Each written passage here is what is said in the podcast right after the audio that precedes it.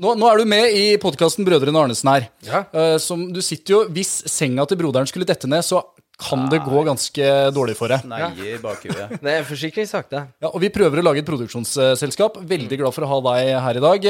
Erik Anders Sæter. 96-årgang fra Storjorda i Hamarøy. Yes. Norsk artist, YouTuber, influenser og TV-personlighet. Du har kanskje sett han i Paradise Hotel i 2018 eller i 2021. Farmen i 2019 og 2023. Camp Culinaris, eh, kanskje. Norske beefer dukker opp. Og så har han har podkast med din bror nå. Yes. Yes, yes, yes, yes, yes. Erlend Elias og Erik Anders. Og så begynte du å gi ut musikk. Du nådde- nådde 39.-plass på Spotifys topp 50-liste. Yes, Din første låt. Ja. Første og siste, si. Si- Siste som charta. Det ble ikke flere over det, altså. Nei, men det Ikke enda. Nei, ikke enda, men det skal komme. Og så har du tatt på deg rollen som samfunnsdebattant. Dette står på Wikipedia-sida di. Jeg vet ikke hvem som har skrevet inn. Nei, jeg, jeg var- Jeg ble utestengt fra Wikipedia sjøl for veldig mange år siden. Ja, ja, nei, men jeg, var du inne og fikla? ja, men jeg drev og trolla uh, da jeg var 12-13. Samme Ja. utestengt fra VG Debatt. Nå er det nedlagt. Jævla trist, faktisk. Det eneste gode debattmiljøet vi hadde i Norge. Nå er det bare Facebook-gruppe og sånn fucking sånn. Altså, du kan ikke sitte på Red uh, Café, holdt jeg på å si, på for å diskutere United. Da blir det bare tull. Men uh, utestengt veldig mange plasser. Jeg var veldig uh, reaksjonær uh, som ung. Var veldig drøy, veldig grov. Jeg tror jeg ble utestengt fra VG Debatt som elleveåring for at jeg skrev at eh, jeg håper at Siv Jensen blir voldtatt. Eh, og det er jo veldig det er jo, Jo, jo, nei, men nei, men elleve år. Da er det jo Altså, sant. Men uh, poenget var jo da ler. Eh, Ja, jo, jo, men Hvordan hadde du vært 11 år gamle Erik Anders med, med TikTok? Det hadde Nei, vært nei, men et, sant. Det er akkurat det. Så, og det, det kan, så jeg kan Jeg kjenner meg utrolig igjen i, i, i mye ting. Altså, og, og det er en sånn ting jeg tenker at det kunne gått galt. ikke sant? Hadde jeg havna i noe feil miljø eller noe. Men jeg tror også det kan være sunt å starte prosessene tidlig. Men poenget var Så jeg var utestengt fra Wikipedia ganske tidlig. Jeg vet, jeg husker ikke hvem det var jeg drev og fucka med. Sånn type sånn, Du prøver å gå inn og endre Ronaldo sin Wikipedia og skrive sånn He's the best player in the world. Uh, og så bare, da er de bare sånn band. Og jeg har fortsatt samme e-post som jeg hadde i 2007. eh, og det er eriksox93.hotmail.com. Ja. Og grunnen til at jeg hadde 93, var for jeg skulle få litt eldre damer. Ikke sant? For MSN, det var ingen som visste hvor gammel du var. Eh, og så var jeg ferdig med puberteten da jeg var 12. Så det funka, det alibiet. Men nå, nå, er vi, nå er vi der jeg tenkte at vi skulle starte. Jeg hadde tenkt at vi skulle skru klokka tilbake. Ja. Ikke sant? Og få med oss eh, oppveksten. Og nå er du inne på det, da. Du var et troll. Ja, og da ikke, du så ikke ut som et troll. jeg er veldig mye kvise. Så utrolig mye. Brødrene, brødrene Arnesen. Kom igjen, broderen! Brødrene, brødrene Arnesen. Nok jingle nå. Oppveksten var um, veldig lite miljø. Vi var sånn, når jeg slutta Jeg flytta jo i åttende med mamma. De måtte separere seg, mamma og pappa. Det har vært masse på nettet og på nyhetene og sånn. Men de måtte jo separere seg for at jeg skulle få bytte skole. Fordi pappa var ordfører, så han måtte bo i den kommunen han bodde i. Da var vi 26 elever på skolen, eller 19, eller Det var jævla lite. Men eh, det var jo lite alltid, da. Men jeg syns jo det var stort når vi var 40 elever på skolen da jeg begynte, da, selvfølgelig. Eh, men det var et såpass lite miljø at eh, det, det kunne være veldig tøft. Det kunne være Jeg har alltid vært eh, veldig normert sånn utseendemessig og sånn. Og så veldig Normert? Ja, sånn, altså normal. Altså Ja. passa inn i den Altså sånn sett. Uh, men det skulle ikke så mye til, for du var veldig annerledes på, på Storjorda. Uh, og Erlend var jo en stor del av det. Uh, så jeg, Herregud, så mye slåsskamper jeg havna i med liksom fem år eldre gutter, eh, som jeg selvfølgelig tapte, uh, fordi at de sa han var homo, og jeg klikka jo, han var jo ikke homo. Så jeg visste jo ikke hva det var, men det var, han var i hvert fall ikke det, da. Hvor mange år eldre er eh, Erlend enn deg? 14. Eh, så, så han var jo selvfølgelig her nede i Oslo og var homo. altså 100 uh, Men var du liksom sånn såpass ung at du ville ikke at han skulle være homo, eller bare visste du ikke Nei, jeg tror ikke man visste For det første visste man ikke hva det var. Sånn, sånn, sånn tydelig, ikke sant. Og det var ikke noe du snakka om eller lærte om, eller noen ting. Altså, jeg bruker å si liksom at Altså på Storjord så er sikkert eh, skinny jeans kult fortsatt, og liksom altså ting Nord-Norge, og i hvert fall landsbyene i Nord-Norge, ting henger litt etter, liksom. Um, og så noen egne subkulturer som bare kan oppstå, selvfølgelig. Men nei, jeg tror mer at homo var et skjellsord, og de brukte om han. Og da var liksom Og jeg har alltid vært sånn at um, jeg, Og jeg har et sånn sinne inni meg som jeg har hatt siden jeg var bitte liten. Og det blir sånn Hvis jeg føler noe urettferdig, så, så må jeg ta igjen. Jeg klarer ikke, jeg klarer ikke, jeg klarer ikke stå imot. Og det var sånn Så selv om jeg visste at jeg kom til å få juling, da, så var det sånn OK, men hva kan jeg gjøre for at han skal få så vondt som mulig i mellomtida, før jeg får juling? ikke sant? Oi. Så jeg var jo han som liksom og, og jeg følte selvfølgelig alltid at jeg hadde moralen på min side. Jeg var aldri noe sånn at jeg kunne Men hvis noen f.eks. sa at han var homo, og så sa jeg du er homo, og så ble jeg slått, så ble jeg så forulempa at da sto jeg kanskje bak eh, døra, utgangsdøra, med kosten når friminuttet starta, og slo han i trynet. Altså, det var veldig Det var utrolig voldelige greier, altså. Eh, Utrolig voldelige scener eh, på det var men jeg vet ikke, jeg vet ikke kanskje, kanskje opplevelsen dere har fra, fra Elverum, da. Men altså Er dette på barneskole eller ungdomsskole, eller hvor Nei, er vi? det her er andre, tredje, fjerde klassen, altså. Og mitt inntrykk er wow. i hvert fall at uh, sko, altså skolegården er den farligste plassen i, i hele verden, sånn som jeg har opplevd det. Altså, terskelen for Altså, hvis jeg hadde Bare hvis jeg hadde uh, liksom lagt deg i noe sånn submission-grep her nå, altså på et eller annet vis, vi hadde krangla, så hadde det vært en sånn eh, Kunne jeg gått inn et halvt år i fengsel for det? Altså, ikke sant, Eller hvis jeg har slått deg? Kunne jeg havna to år i fengsel hvis jeg har knekt nesa di, eller Ikke sant? Eh, mens på, på, på barneskolen så er det jo liksom Altså, man får bank, man blir jo lagt i bakken, man får liksom snøballer med stein i trynet hele tida. Så jeg skjønner liksom ikke det, det, er liksom, det er jo det farligste plassen i hele verden, og det er ikke noe, må, det er ikke noe måte å Det høres ut som du har gått på barneskole i Mexico. Eller? Nei, men eh, var det ikke sånn hos dere, hæ? Elverum på Søbakken eh, barneskole, Ikke så mye slåssing. Altså, jeg spilte mye fotball. Jeg. rett ved Sagtjernet. Nei. Vi hadde et fint lite vann, og vi har, vi har hatt en litt for fredfull oppvekst i Elverum, ass. Når jeg hører det her nå. Ja, det skjønner jeg. Og så, og så er det klart at det, det, det som er problemet på en så liten plass, er at du vil aldri få noe sånn der eh, Du vil aldri få noe sånn eh, skjell mot liksom idiotene. Altså, jeg, jeg har jo noen Det er en Hvis jeg fortsatt når jeg møter han, ser han inn i øynene, så blir jeg livredd. For han var så fette, fette, fette, fette gæren i hodet, liksom. Uh, Men har vedkommende blitt uh, yrkeskriminell, eller blitt normal?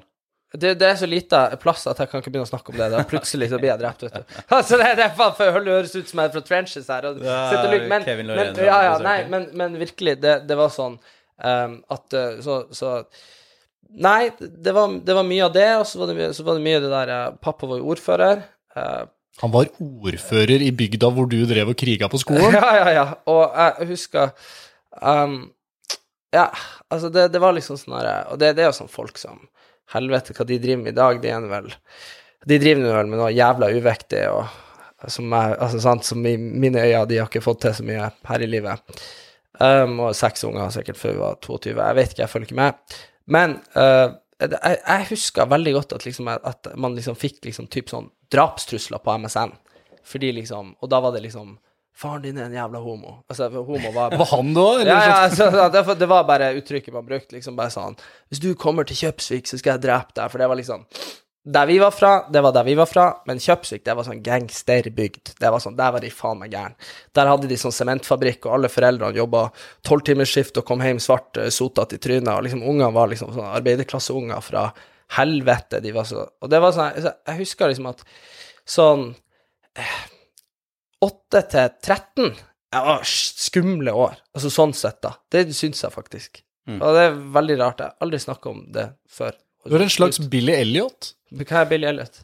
Har du sett den filmen? Nei? Nei, Det handler om en gutt i England som har lyst til å bli ballettdanser, men så må han jobbe på fabrikken for faren er så sint. Ja, ja, You will never be a baller. ja, ja. Det er jo historien om ja, ja, deg og broren din. det, det var Men altså, og så tror jeg det er viktig å liksom Jeg ville ikke Jeg, jeg visste alltid at um, storord var for lite.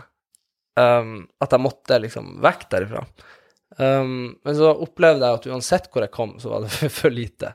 Og det var jo litt sånn um, Og det er liksom sånn til, altså, Oslo i dag, det er sånn at faen, hva skal jeg til New York, liksom? Eh, og det, det, det vet jeg ikke. Det er bare noe sånn der eh, expansionist som jeg har i meg, da. Men var du en kreativ eh, kid på den tida, her, bortsett fra at du var i litt nevekamp uh, og jobba i litt i det hierarkiet i skolegården der? Men du var jo en kreativ eh, kid også, eller fulgte litt i broderen sine fotspor? Eller Nei, føler, og- og Åssen for det var det For det tror jeg også er litt viktig å stresse, at, at jeg og Erlend Vi uh, har jo tilbrakt mer tid sammen de fem siste årene enn Ja. vi har gjort uh, de første uh, 20 årene av mitt liv. Eh, og det er jo klart at når jeg var ett år gammel, eller to år gammel, så flytta jo han for å gå på folkehøyskole tre timer unna. Og eh, når han var ferdig med det, så begynte han på videregående to timer unna. Eh, og så når han var ferdig med det, så flytta han til Oslo, som jo er 24 timer unna. Ikke sant? Så, og da var jo han 16 og 17 og 18 og 19 og 20 og 21 og 22, og han hadde jo faen meg mye greier han måtte finne ut av, ikke sant?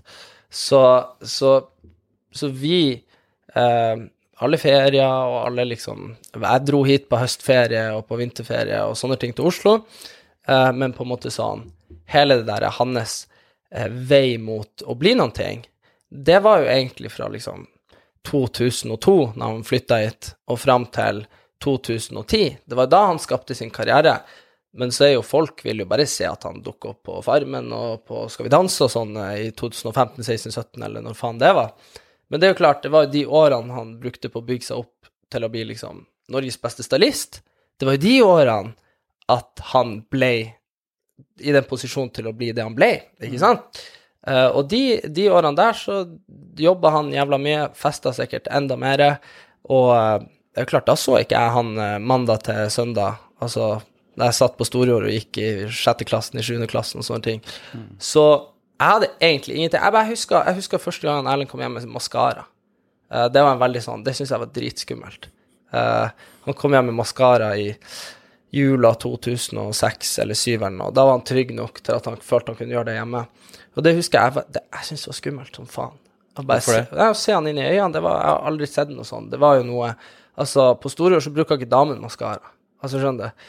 Um, altså, og- Den plassen her. ja, så, og så, så faen Og ja, der er det allværsjakke og liksom Sherox på damen. Så, uh, og det er ikke noe negativt mot de, og mamma er jo en av de, liksom. Sånn, hun pynta seg jo nå når hun er liksom ordførerkandidat og sånn. Men det var det jeg skulle si om han, eh, om han Erlend, da, at, at liksom uh, Det var jo aldri noen som sa til meg at han var homo. Altså, jeg husker så jævlig godt han var på noe sånn der eh, Jeg tror han prøvde å bli årets homo, eller noe sånt. Det var sånn du kunne stemme på Geysir, eller noe sånt der. Og jeg husker jeg googla han da jeg var blitt gammel nok til å sette og troll på nettet da jeg var 11, og jeg så noen sånne bilder av han eh, hvor han liksom poserte for å liksom bli kåra til årets homo. Jeg, synes, jeg husker jeg- det var så conflicting greie, for jeg, bare, jeg hadde jo gått og bank, prøvd å banke folk som sa han var homo i alle år. Uh, og det, det, det, det husker jeg veldig rart. Men mamma de sa jo aldri til meg at han var homo. Jeg vet ikke Men det er jo, det er jo bare noen eh, fire-fem år siden, og mamma sa i jul, eh, når jeg har fått noe sherry, så sa hun sånn men Erlend, du skal ikke finne deg noen kone og slå deg til ro. så liksom sånn der, at er sånn- så, jeg, jeg tror veldig lenge så gikk de og håpa at det bare var en fase, så kanskje de bare slapp å si det til meg. Um, men um, han er nå homo, det er, fremstår nå rimelig åpenbart. Uh, og det var egentlig ikke noe jeg tok noe særlig stilling til uh, før jeg var ute i tenårene. Og i hvert fall det der med han offentligheten og karrieren hans og sånn det hadde jeg ingenting med å gjøre før han var med i Skal vi danse høsten 2017. Da begynte jeg å reise til Oslo og være med på sånne kjendisfester. Ja, for det er det jeg tenker på. Fordi det, vi kom jo til et punkt der du trolla på nettet, satt som 13-åring, 14-åring i Storjord her, og så begynner du etter hvert å følge bror din på Ja. hans eh, fot... Og, og se han på vei inn i rampelyset. Men du tok jo veien inn i rampelyset selv etter hvert òg. Åssen var den der overgangen der? Var det e- e- et punkt Nei, hvor du altså- tenkte sånn Nå eh, var det et Det var, det var, det var, ganske definerbart brytningspunkt. Og det var Jeg brukte eh, ti år av livet mitt. Og det tror jeg var typ for å hanskes litt med sånn det der eh, Kanskje det man vil oppleve som mobbing, da, og på en måte tøffe tak på den jævla skolen, da. Eh, så vet jeg ikke helt hva som var hinsjen, men jeg hadde en kompis som var United-supporter. Han tvingte meg til å melde meg inn i, i United-supporteren, og så var vi med i Boeing fotballklubb. Og da husker jeg, da fikk jeg et sånt fotballkort av David Beckham, um, og spurte jeg mamma Jeg visste jo alle kortene. Altså, det var 1000 kort. Hun visste hvem han var, men hun visste hvem David Beckham var. Så jeg sånn, ja, hvorfor vet du hvem han er? Hun bare, nei, han er liksom superstjerne. Så jeg sånn, oi, han er superstjerne, ja. Og så begynte det United-supporteren å ry inn, ikke sant, jeg vet da faen, 250 kroner i måneden, det er jævla svindel supportklubben i Norge holder på med. Men eh, i hvert fall, det rydde nå faen meg inn med så mye blad. Og på et eller annet tidspunkt så var det en mann som jeg syns liksom bare, du er nå. Og det var han Ronaldo. Cristiano. Og, um, og jeg ble fullstendig obsessed med hele fyren, figuren, denne her larger than life, liksom. Han torde å si at han var best. Han torde å si at han var god i ting.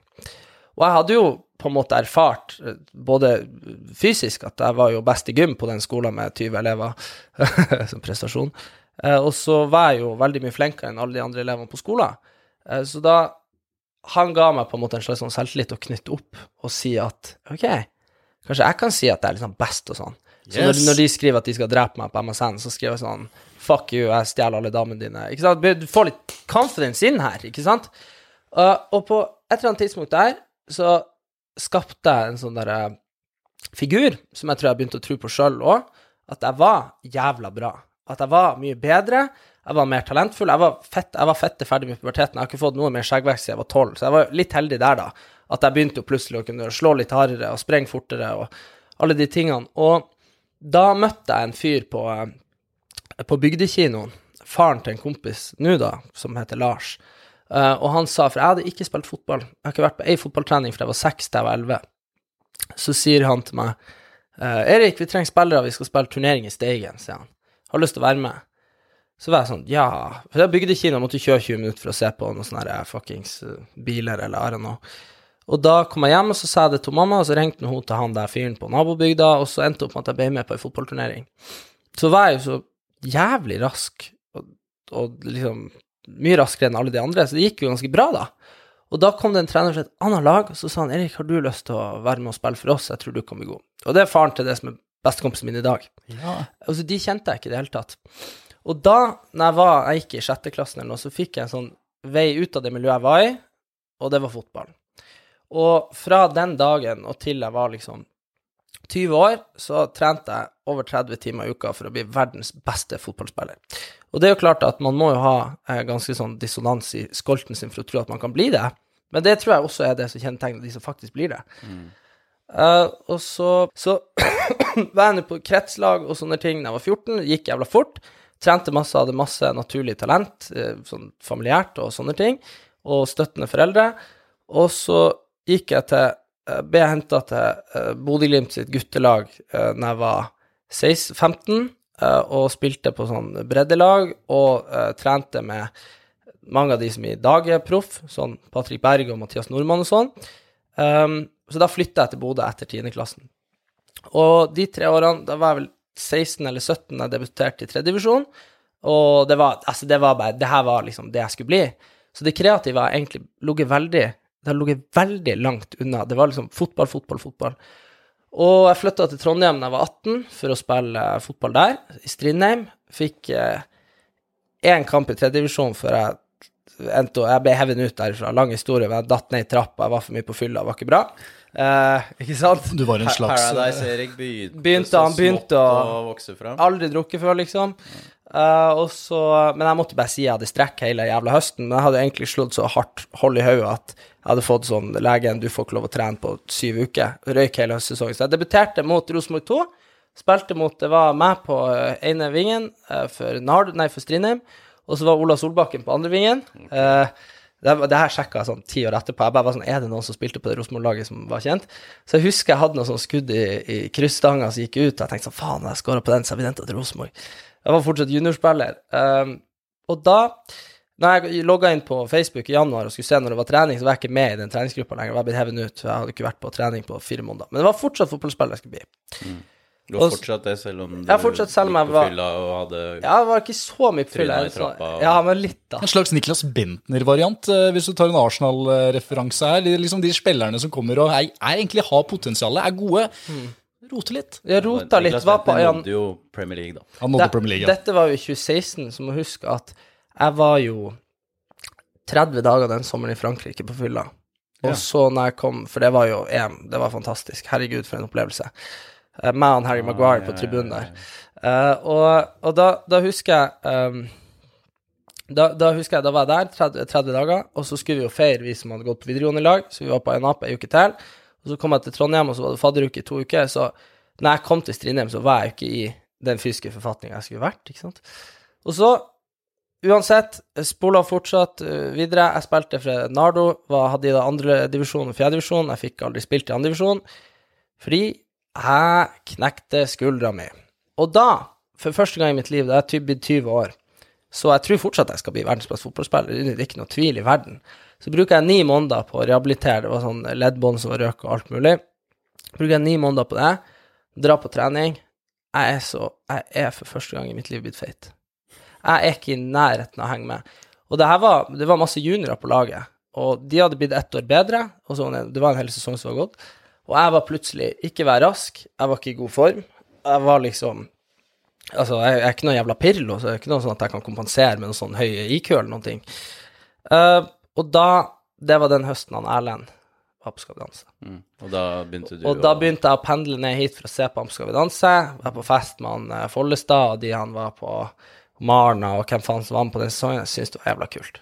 Jeg var jævla kult. Da Kjøpte meg sånn smakte du litt på rampelyset. Kjente jeg så liksom eh, Jeg kjøpte meg sånn Calvin Klein-T-skjorte, hadde aldri gjort og syntes det var så jævla fett. Og, og eh, det er klart, det var en eller annen Det er en eller annen Men det er klart, det som egentlig har skjedd, er jo Du har gått et helt liv, og du har ville bli Ronaldo. Av de rette og de gale grunnene. Men en stor del av det, og det tok meg mange år etter det igjen å innse, var jo at jeg hadde lyst til å være kjent og være anerkjent. Et veldig sterkt bekreftelsesbehov for å vise at man er god nok, da. Um, og det var nok det som gjorde at jeg og Erlend kom inn på det der altså u- underbevisst, da, men faen, skulle ikke jeg bare dratt på Paradise? 2018. 2018. Og da, da Det er ikke så altfor mange årene tilbake. Jeg kan jo innrømme det at eh, det er den sesongen som jeg selv eh, så mest av. Altså, jeg kan den sesongen inn og ut. Så jeg syns jo, jo det er litt stas at du, Du er sitter her. Ja, jo, jo, men jeg skal ikke tulle med det. Jeg syns det er litt gøy, da. Det var en fantastisk sesong. For det var en bra Paradise-sesong.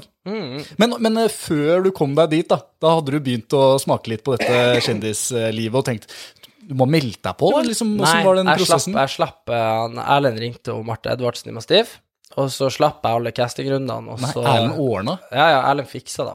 Så jeg slapp alle castingrundene, og jeg har jo sett eh, castingtapen når vi lagde Veien til Perra, jeg og, og Isabel Rad. Så fikk vi se våre egne castingtapes. Og det er det Altså, han der fyren der, han har faen aldri sluppet inn i det ville helvete. Men du ser at jeg er så jævlig i karakter og skal være så kul. Uh, og det var jo veldig kleint å se sånn nå, da. Uh, men det var bare Han var så døll, han fyren der. Uh, og så er det klart at når du havner i Mexico, så den der fasaden der sprekker jævla fort. Du, du ender opp med å være deg sjøl, og så kan du være uheldig at du blir gira opp og blir en sånn feil versjon, dårlig versjon av deg sjøl. men for meg så gikk det jo veldig bra. Og uh, den Erik Sæter som var på Paradise Hotel i 2018, det var han Erik Sæter da han var 21 år. Han hadde altfor mye selvtillit, han uh, så bra ut, og han visste han var smart. Eh, og det er klart at eh, det Eller smartere enn eh, i hvert fall de du var Du, med, du, jeg skjønner måtte, du? jeg måtte gjøre en sånn her jævla sånn her Jeg måtte gjøre en sånn der case ut av det der. For jeg fant ut at eh, utdanningsnivået, hvis det er noe å gå etter på intelligens, da, eh, blant Paradise Hotel-deltakere var dobbelt så høyt den sesongen som det var eh, på høyere utdanning enn det var i øvrig Norges befolkning. Så det var jo sånn der Ja, det var jo sykepleiere, og folk som hadde bachelor i historie, og jeg som hadde bachelor i statsvitenskap, altså faen, det Altså, du skal ikke se Altså, veldig ofte så, så henger det sammen, det å ha et høyt eksponeringsbehov, henger ofte sammen med at du er litt intelligent. At du ikke liksom bare finner deg Hør, broderen. Ja. Dere, dere har jo òg det. Vi er svært intelligente. Ja, ja, Men, men her på Paradise da, så har du jo den der pakka som du har bygd opp fra du var liten. Det er den lille lokalpolitikeren i deg. Mm. Det er det sinnet du snakker om, eh, med ikoniske øyeblikk som eh, Åh, hva var det du sa igjen, da? Alle! Ah, du slo i Det var det alle ville. Det var det alle ville! For var- et sitat! Ja, det var helt Og du vet ja, Så du, den blandinga der av denne gutten som vokste opp i sto, Storjord, Mm. kom plutselig på TV-skjermen, og vi fikk jo se alt. Ja, 100 og, og jeg tror Og så er jeg jo Jeg er jo bare du, du, du kan være så rasjonell du bare vil, eh, og tro at du er så jævla smart, eh, men så vil du alltid sånn Du vil Altså, for meg, da, i hvert fall, så er jeg 90 dreven av følelser. Det er 10 som er intelligens. Og det er bare sånn De, de, de, de, de siste årene så har jeg blitt mye bedre å moderere det, for jeg, det, det er jo ting jeg Altså Sånn som i dag, da, hvor man ting er litt algoritmestyrt, og TikTok og, og det greiene der, og kontrovers biter hardere. Jeg har ofte blitt beskyldt for å, for å oppsøke oppmerksomhet uh, i veldig stor grad. Noe jeg er veldig uenig i. Uh, de siste- Jeg har faen meg aldri ligget så lavt som de siste årene. Og det er liksom sånn Det er så mye ting jeg kunne ha gjort, som kunne ha vært Som jeg kunne ha reagert på, som jeg måtte holdt inni meg, uh, fordi at jeg bare Jeg vet ikke lenger om det er verdt det. Mm. Og det er jo på en måte en sånn realisering man gjør når eh, hjernen begynner å bli ferdig utvikla. Altså, vi menn burde jo ikke ha sertifikat før vi er 25. Altså 100% For vi har ikke sånn god risikovurdering av en jævla drit. Så ja. Men eh, du, du blir med på Paradise, og da blir du en eh, offentlig person, for da på den tida så er jo Paradise et veldig populært program. Eh, og du blir sammen med Ingrid Agelhus, som er et offentlig forhold. Og hvordan er den perioden når du da kommer tilbake til Oslo, og du har blitt kjendis, rett og slett? Paradise-Erik med kjæreste, reality-paret. Det var Andre, andreplass. Kristoffer var jo Kristoffer gjorde jo mitt første ordentlige Ja, ja, gjorde min første ordentlige greie ever med noe presse. Og det var jo at jeg og Ingrid fortalte at vi var sammen. eh, på uh, Selvfølgelig var du ja, der. Og Kristoffer hadde ordna ei sånn badstue vi skulle være i, og så var det feilbooka, så vi måtte gjøre det på Operataket. Jævla klisjé. Ja. Uh, jævla Solnedgang på Operataket? ja, ja. Nei, men det var, det var kult, det. Og, og så var det jo det at um, men, men da husker jeg, apropos da, noe med det her med å kaste ut Jeg, jeg ser ofte influensere bli beskyldt for det ene og det andre, jeg så Voe fikk jævla mye kritikk nå på Jodel på grunn av uh, at hun har skrevet Hun er jo kritisk til at uh, influensere må merke reklamen sin så jævla mye hardere enn en TV og idrettsstjerner må gjøre, da.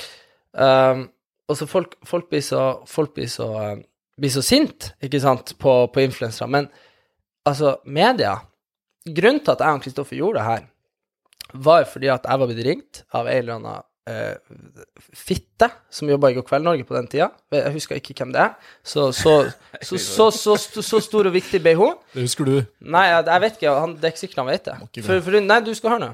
Så Det som skjer, er at hun her, eh, hun her dama ringer meg. Så sier hun 'Hei, Erik, det er jo eh, Gina' Altså, jeg finner på et navn nå. Så er hun sånn eh, 'Går det bra med deg?' Eller og, 'Vi møttes jo da og da på den lanseringsfesten'. Jeg bare 'Du er faen fett hyggelig'. Jeg har aldri pratet med en journalist før. Sånn utenom på den presserunden i Mexico.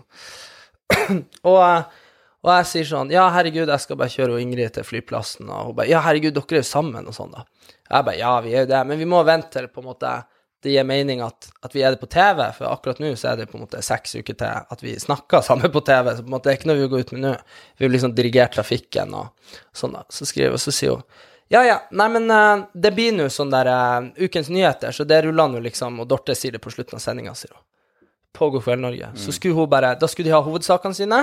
Så skulle det være sånn Ja, forresten så har han eh, Niklas Barli kjøpt seg nytt hus, og Erik Sæther og Ingrid Agilius bekreftet at de er lagra. Det var ikke sånn vi ville ut med det. Så sier jeg nei, men det kan jo ikke du Jeg har ikke sagt at vi kan bruke dette. Vi er jo ikke liksom on the record. Det var liksom det jeg visste. Hun bare jo, men du har sagt det, og liksom da kan jeg skrive det, eller si det. Og da, eh, det som var gangen i det da, var at han Erlend lagde et helvete og begynte å ringe sjefen i God kveld og alt mulig, og det er faen ikke sånn det skulle ut. Og, og da fikk vi nå, da på et eller annet tidspunkt ble han Kristoffer kobla inn, og så gjorde vi det ordentlig, og så kom det på den dagen vi ville det skulle komme. Mm. Men så, så, så det, var, det, det var jo tøff læring, da. At Hardt møte med kjendisjournalistikken og det å være offentlig og det å ta med seg et eh, forhold. Da. For det, det var jo ekte, den Ja, ja, eh, kjærligheten der, eller? Herregud, det var Men, men sant, det, det er noe med det øyeblikket, altså. Og sånn som Sofie Elise, altså, hun, hun hadde jo kjæreste da hun begynte å rote med han Isak uh, på de greiene der, da. Men sant, kjendis, ja. ja, men det, det, var, det, var, det opplevdes selvfølgelig kjempeekte for henne, men det Og det var jo på en måte ekte. Og, og, det, og, og, så, når du kom hjem, så faen, det her er jo ikke gangbart, han er jo helt eh, koko, eller hun er koko, eller hva de fant ut av. Det, ble- det varte i hvert fall ikke. Uh, og, og sånn var det nok litt for, uh, med meg og Ingrid òg, at, uh, at det, var, det var kjempeekte.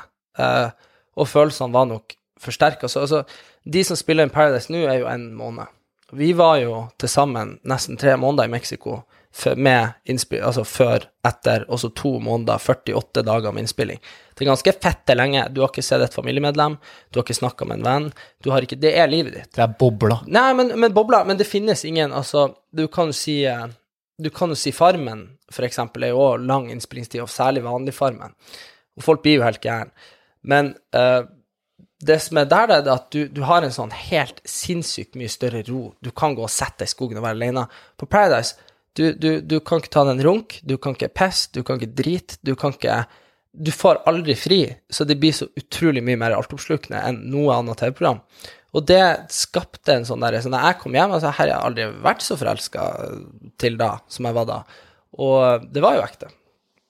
Men, eh, men eh, det, vi krasjlanda jo. Det, var- vi var vel egentlig sammen i seks uker eller noe. Og så dro jeg på Farmen kjendis, som Rett etterpå. Ja, jeg var jo um, Altså, på daværende tidspunkt Vi må huske at når jeg og Martine Lunde dro på Farmen kjendis 2019. Nei, ja, men det var på det, Vi spilte inn i 28. Ja, selvfølgelig. Så jeg, jeg, jeg gikk jo dit uh, fem uker etter Paradise var ferdiginnspilt, så var jeg på gården der og møtte Kristoffer igjen. Uh, og, og da, da, må, vi- da må vi huske at Petter Pilgaard var den første. Altså drit-reality-deltakeren, altså fra, fra liksom, hva vi skal kalle det, skandal-reality, Ja, som, som, noen, ja, som noensinne ble recasta. Og i sesong to av Farmen kjendis, når han Erlend Elias var med, så var det jo ingen Paradise Sex on the Beach, ingenting. Så når jeg og Martine ble casta til Farmen kjendis, så var det første gang en Ex on the Beach, en Paradise, en Love Island-deltaker noensinne uh, fikk være med på noe som ble eksponert bredt til det norske folk. Jeg husker det veldig godt selv, jeg som publikummer. At oi, Ja. nå er det en uh, ny cast her. Ja, og vi uh, Altså, gjorde jo vi det vi gjorde, og det var jo den sesongen det var. Og, og etter det, så det åpna jo veldig, veldig veldig mange dører for kanskje altså, Hvis vi skal skru fram til i dag, da, kanskje 50. Altså, vi hadde aldri hatt en nitter på 71 eller en Brennovd eller Og så er det klart at så kunne de sikkert bare ha bytta ut med Martine med noen andre, men det var på en måte Vi var de første som gjorde et så sterkt inntrykk i populærkulturen at vi fikk være med videre. Eh, og det er jo på en måte I don't know. Hvis noen skulle satt seg ned og skrevet boka om eh, skandalerealityens eh, effekt på, på, på storsamfunnet en eller annen gang om 100 år, så tror jeg det er et ganske markant skille i når vi fikk lov å være med videre, da. Mm, men det gikk jo fra eh, sånn TV-messig, da, at reality-deltakere, Paradise Hotel-deltakere, og så begynte Ex on the Beach å komme, men det var en egen liksom greie, en egen Subgenre. Ja, eh, som, som liksom de unge kunne Mm. se på og kose seg med, og, og foreldregenerasjonen rista på huet. Men så endra det seg, som du sier, da, rundt der, eh, og, og reality-deltakere ble fritt vilt for alle mulige TV-produksjoner. Og det er jo også en del av utviklinga i TV, for det skal jo være så mye kjendiser, så man må jo se etter kjendiser overalt, ikke sant. Det er jo egentlig for lite i Norge, for det er veldig mye gjenbruk. Mm. Ja, det, er det er mye gjenbruk, og det er veldig lite innovativitet. Det er veldig lite, liksom, veldig lite research som er lagt inn i de som bare er plukka opp. Altså, det, det er faen meg så mye rare castinger, at, eh, og det er mange du ser en gang, og ser du de aldri igjen. På Paradise så lyktes jeg på et eller annet vis første året med å skape en eller annen sånn derre Og det var liksom taktikken òg, da. Men sånn her, jeg er altfor alt glup til å være her. Altså liksom jeg, jeg, jeg skulle egentlig vært begynt på masteren min nå, så, så, så, så hva gjør jeg her? Jo, jeg skal vise at det går an å være ekstremt oppmerksomhetssjuk og like de greiene der òg, og så også være han uh, smartest guy in the room. Uh, og det altså, kan man jo Det kan jo hende at jeg fullstendig overvurderer meg sjøl, og at jeg egentlig bare er autist på skole, og så er jeg ekstremt oppmerksomhetssjuk. Men jeg, jeg følte det var noe i det, og folk kjøpte det narrativet. Og her er han utrolig intelligente lillebroren til Erlend Elias, som jo er helt gæren. Det hadde vi jo sett på Farmen kjendis året før. ikke sant? Altså Det er en eller annen spennende hva, Hvem er det her? Hva er han? Um, så det var veldig gøy å være med på. og Det var jo på en måte the twilight years um, for populariteten min frem til i dag. Uh, og det trodde jo ikke jeg når jeg sto i det. Nei, for du har jo sagt at det var litt voldsomt å gå rett fra Paradise og inn på Farmen kjendis. Eh, nesten ikke kommer deg ut av den ene bobla før du skal inn i den andre. Hvordan var det å komme tilbake fra Farmen kjendis og, og til Oslo? Nei, du føler deg jo som Guds gave til eh, TV-Norge. For her, her piker du sånn. Nå har du vært med på to store produksjoner. Du, du, jeg fikk betalt 250 000 kroner. Jeg har tidligere levd på studielån og eh, ekstrajobber på Joker, ikke sant? Så fikk jeg 250 000 kroner, eller 225 tror jeg det var, for å være meg sjøl på en bondegård i fem uker. Altså bare what the fuck 250 is going to stop me? Jeg, jeg vet ikke om jeg har lov å si det, men eh, jeg kan si at jeg er omtrentlig noe sånt, da. Uh, men uh, ja, Godt betalt, da. Jeg har godt betalt. Fort en 100, 100 K i inngang, og ja, og så 30 000 i uka, eller hva det er. Så det er jo kjempebra. Uh, og bare liksom, hva skal stoppe meg nå? Og når jeg kom hjem igjen, så fortsatte jeg bare å ry inn med TV-forespørsler som jeg begynte, som jeg takka nei til. Jeg husker veldig godt at uh, dette var før jeg hadde vært med Chartersvein på, på Farmen, blant annet. Uh, og da, da husker jeg at han Jonas Møller, som nå er direktør, eller programdirektør i, i Nent, ringte meg, for han var da eh, sjef i noe som heter Rakett TV. Og han ringte og sa Du, jeg snakka med Svein, deg og han på Charterfeber. Jeg bare, jeg bare, jeg bare Hvor dyp er lommeboka di? og um, da tilbød, han tilbød meg 70 000 for å være eh, to uker med han Svein på Granka, som jo egentlig Altså, hvem i faen takka nei til å være to uker med han Charter-Svein på Gran Canaria for 70 000? Ja, det der Ja, men, men sant, og så var det Det her var før covid-skandalen og sånn. Ja, ja. Så kom jo, så kom jo uh, Farmen kjendis på TV, og tvert imot hva jeg trodde, ikke sant, så ble jo han folkets favoritt, og så ble jo jeg en eller annen sånn scapegoat av en drittunge. Ja, ble du det på Farmen? Ja, på Farmen så var jeg litt drittunge. Dette snakka vi om i går. Jeg satt og så på Farmen den sesongen som går nå. Så tenkte jeg sånn Å, det er så skummelt når du blir den som kanskje blir klippa litt feil. Det var ei som er med nå som jeg tenkte sånn ah, kommer, Jeg ble, ble litt sånn uheldig hvordan hun kommer ut av det. Skjønner du? Men uh, jeg trodde ikke kom du Nei, det var- Kom godt ut av Paradise.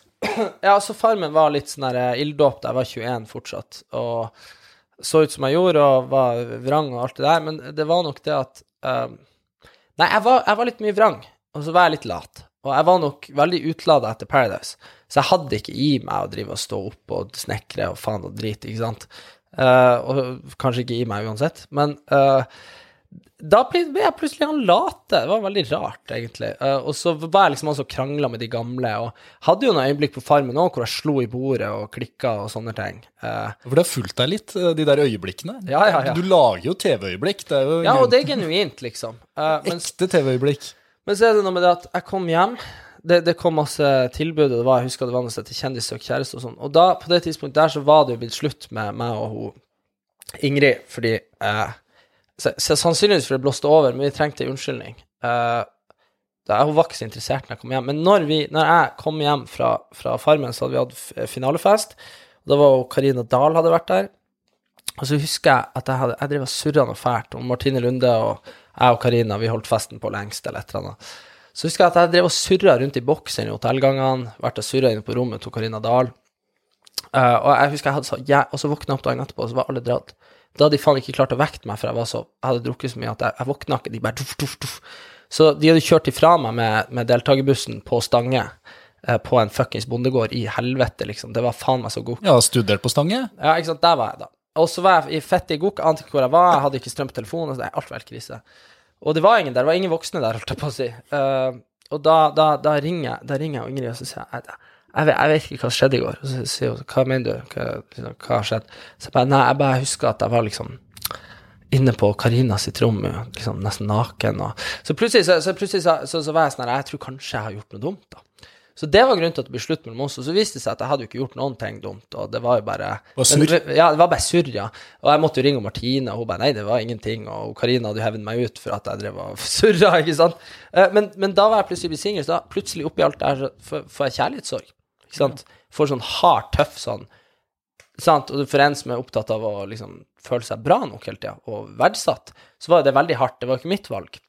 Eh, og da, så da, den høsten der, eh, sammen med at faren til han Erlend døde den høsten der, um, eller på sommeren, da, Um, så han Erlend var helt Altså, han var helt ute og sykla. Det var Altså, det, det er veldig bra at han lever i dag. Sånn så tøft var det. Og jeg satt alene her i Oslo, jeg kjente ingen. Ehm, ja, og det, det var liksom bare Jeg følte meg som verdens mest populære fyr, men jeg hadde ingen Jeg kjente ingen, jeg hadde ingen venner. Han Erlend var helt Altså, han var, lå i senga fire- 23 timer i døgnet. Det var, det var helt, det var helt ferdig. Uh, og da Du skulle egentlig pike eh, følelsesmessig òg. At du skulle ha det bra. Man skulle jo tro det når man ser deg på skjermen, ikke sant? 100% Det er så motpoler, det greiene her, ass. Ja, og så er det sånn klassisk sånn at alle skal komme med sin jævla sutrehistorie. Men, men det, det, var, det var vanskelig. Og, og, så, og så tror jeg på en måte ikke man skal underspille, liksom Og det, det, er veldig sånn folk Og det sier for meg, det blir mye hate på TikTok hvis dere klipper ut det her. Men Om vi skal. altså, men, men du, man skal ikke underspille hvor satans populær jeg var i 2018. Altså, liksom, det var Altså, jeg og, og det, så kan du si ja, faen, han David Mokle er mer populær i dag. Null problem, 100 Jeg, jeg sammenligner ikke. Men uh, når, jeg, når jeg var på, i Kristiansand, på Palmesus, så legger jeg ut på Instagram at møt meg på torget klokka klokka, klokka to, liksom. Jeg har med merch, og det kommer liksom 300 unger og bare for å se meg. Ikke sant? Bare på on the spot, liksom. Det er ikke noe jævla billettsalg som er annonsert for oss. Det var Jeg følte ikke jeg kunne gå noen plass noen plass i Norge uten å Og så, så kan folk godt si ja, men hva du var kjent for, eller whatever. Så jeg nei, nei, jeg vet ikke, jeg kan bare beskrive realiteten, og det var at det var veldig stort, og selvfølgelig, det nøt jeg. Um, Hva gjør det med egoet ditt? Nei, det, det kommer vi til, men altså jeg, Man følte jo at man var Guds gave til et eller annet. Du, du, hadde du nå en følelse at du hadde blitt Du, du var jo nærme den Ronaldo-drømmen som du ja, hadde ja, skissert. 100 og, og, og jeg vet ikke om du Kristoffer igjen, referanse jeg husker godt da, men eh, vi var på Mindshare i 2018, i november, husker du det? På, eh, det var sånn årets mediedager for eh, mediebyråene i Oslo. Så var jeg, invit så var jeg invitert for å diskutere um, altså skandalerealities påvirkning på, på ungdom, da. Ja. Og, det hadde, og da måtte dere skru av kameraene, for dette skulle gå for lukka dører. Var du inne og så på den? Nei, jeg var Nei, ikke Var Hanne McBride var med også? Ja, Hanne McBride var med, og journalistene fikk ikke komme inn. Hanne McBride er da kommunikasjonsdirektør i Discovery to this day. Og, og det var jo noen motdebattanter som jeg ikke vet hvem var, og så var Rikke Isaksen der som på den tida var helt blåst i hodet, hun har vokst veldig mye. Så Martine Lundo sa ingenting. Og så var det Hanne McBride fra Discovery, og så var det Hilde Nessheim som var direktør i Nenta, og nå i Nordisk. Og så var det Eivind Landsverk, som liksom er allfaderen til eh, TV Norge. TV Norge bestemte alt. Liksom the grand old mafia fucking man.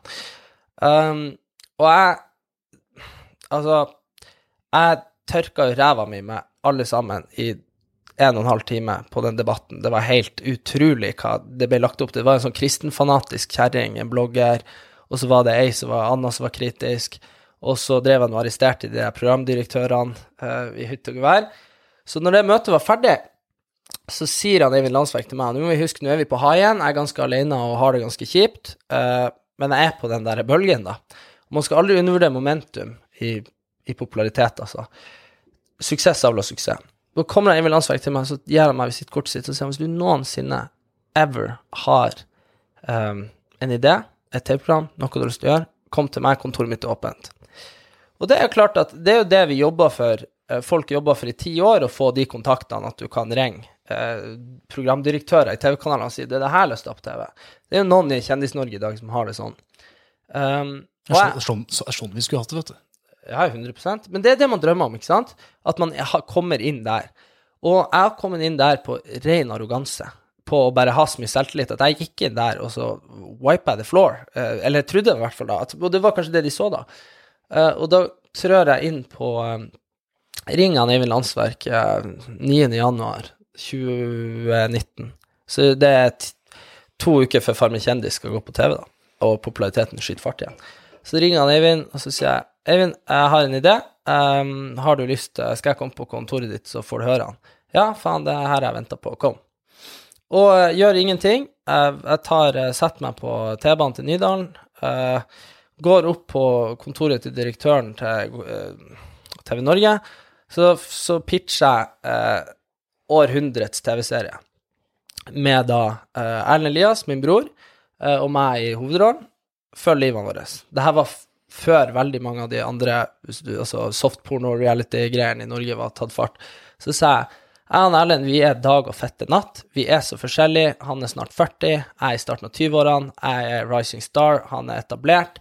Og når jeg og Erlend krangler, altså, da, da er det faen Altså, du, vanlige folk, hadde noen snakka til meg på den måten, så hadde vi aldri vært venner igjen. Ikke sant? Men sånn som vi har det. Og det er i løpet av en dag. Altså, det, så, men jeg, jeg solgte i hvert fall inn det konseptet på, på en sånn klassisk case pitch. Og Eivind sa det her har jeg lyst til å gjøre og Erlend hadde jo vært eh, foregående år på Farmen kjendis. Jeg skulle på Farmen kjendis. Vi var to etablerte profiler. Vi gjør dette, low budget, low cost. Uh, vi hiver oss rundt uh, tre uker, så er vi i innspilling.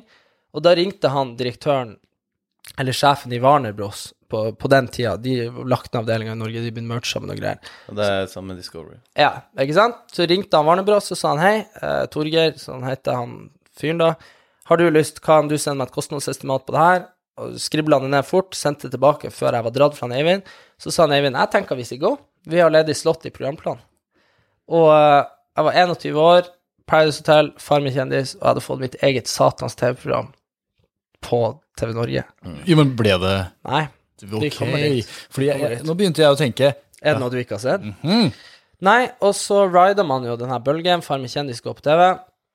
Eh, Jeg slipper min første låt med Universal, presseskriv, eh, altså VG, Dagbladet, Nettavisen, God kveld Norge. Jeg og Kristoffer gjorde en litt sånn følsom reportasje borte på Da snakka du litt om den perioden du også har snakka jeg om, òg om den perioden jeg var i. 39.-plass. 39.-plass. Ja, ja. Rett inn på topp 50 i Norge.